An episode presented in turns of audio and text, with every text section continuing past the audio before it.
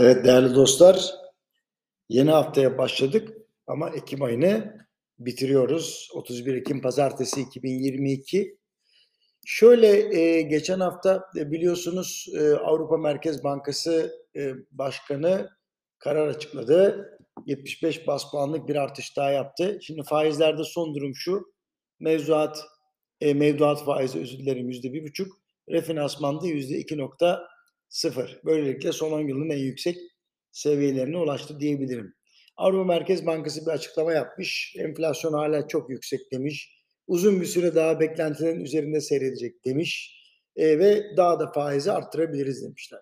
Şimdi faiz kararının e, toplantı bazında alınacağını söylemişler. Bu ilginç bir söz. Yani sürpriz yapmayacağız, bir ara karar olmayacak deniyor. E, bu arada bankalara sağlanan bir avantaj var. İşte TLTRO diye e, söylenen o 2 trilyon e, eurodan fazla bir e, pandemi desteği sağlıyordu çok ucuz şartlarda. Yani yavaş yavaş bu şartları sıkılaştıracağız. Yani artık pahalı para olacak, ucuz para değil demiş Avrupa Merkez Bankası. Şimdi hatırlarsanız Euro bölgesinde enflasyon geçen ay %10'un üzerinde çıkmıştı. %10 ile beklentilerin çok üzerinde kalmıştı desem daha doğru.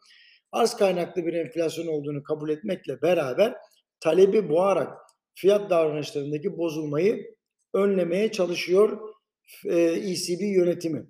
Enflasyona karşı tasarrufları korumayan bir faiz oranı tabii ki stoklama eğilimlerini arttırıyordu. Dünyanın her yerinde her şeyi stoklamaya çalışan birçok insan var. Neden? Çünkü reel faizler çok düşük. Şimdi Christian Lagarde, Christine Lagarde e, Avrupa Merkez Bankası Başkanı faiz oranlarını daha da arttırmayı ve orta vadeli enflasyon hedefini yakalamayı umduklarını söylemişler. Türkçesi şu, biz faizleri yavaş yavaş yükselteceğiz, enflasyon da yavaş yavaş düşecek, ortada bir yerde buluşacaklar diyor. E, ve şöyle diyeyim size, bedava para yok demenin kibar bir yolunu da bu TL Tro aracını kullanarak e, yapacaklarını da söylemişler. Yani bankalara ucuz finansman sağlama işinden yavaş yavaş vazgeçiyorlar. Tabii bazı terimler var bana tebessüm ettiriyor. Mesela Lagarde diyor ki ekonomiye ilişkin yönler e, riskler diyor aşağı yönlü. Enflasyon riskler de yukarı yönlü. Bunlar şimdi çok affedersiniz böyle karışık konuşmalar. Aşağı yönlü risk yok, yukarı yönlü risk. Yani ne demek istiyor biliyor musunuz?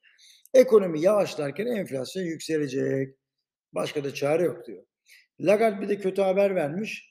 Ekonomi demiş 3. çeyrekte kayda değer şekilde yavaşlayacak ve yılın son çeyreğinde ve gelecek yılın ilk çeyreğinde de bu yavaşlama iyice derinleşecek. Yani demiş ki her şeyin daha başındayız. Para politikası henüz normalleşmedi. Faiz artış patikası da verilere bağlı olacak.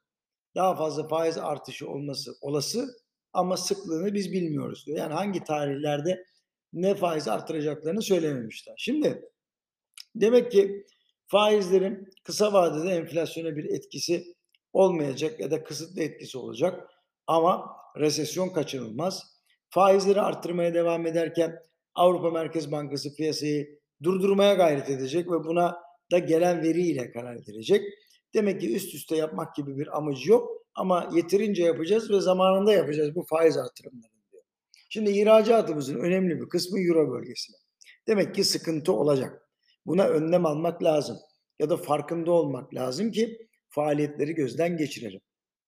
Şimdi Merkez Bankası ve BDDK'nın çıkardığı kurallara, kurallarla e, kimse kusura bakmasın hem kaynak hem de döviz varlığı açısından korunmasız kalıyor ihracatçı. Mutlaka yeni bir reçete sunmak lazım. Aksi takdirde rezervlerden yapılan döviz satışlarına rağmen döviz kurlarını buralarda tutamayız. Efendim hepinize iyi bir hafta diliyorum.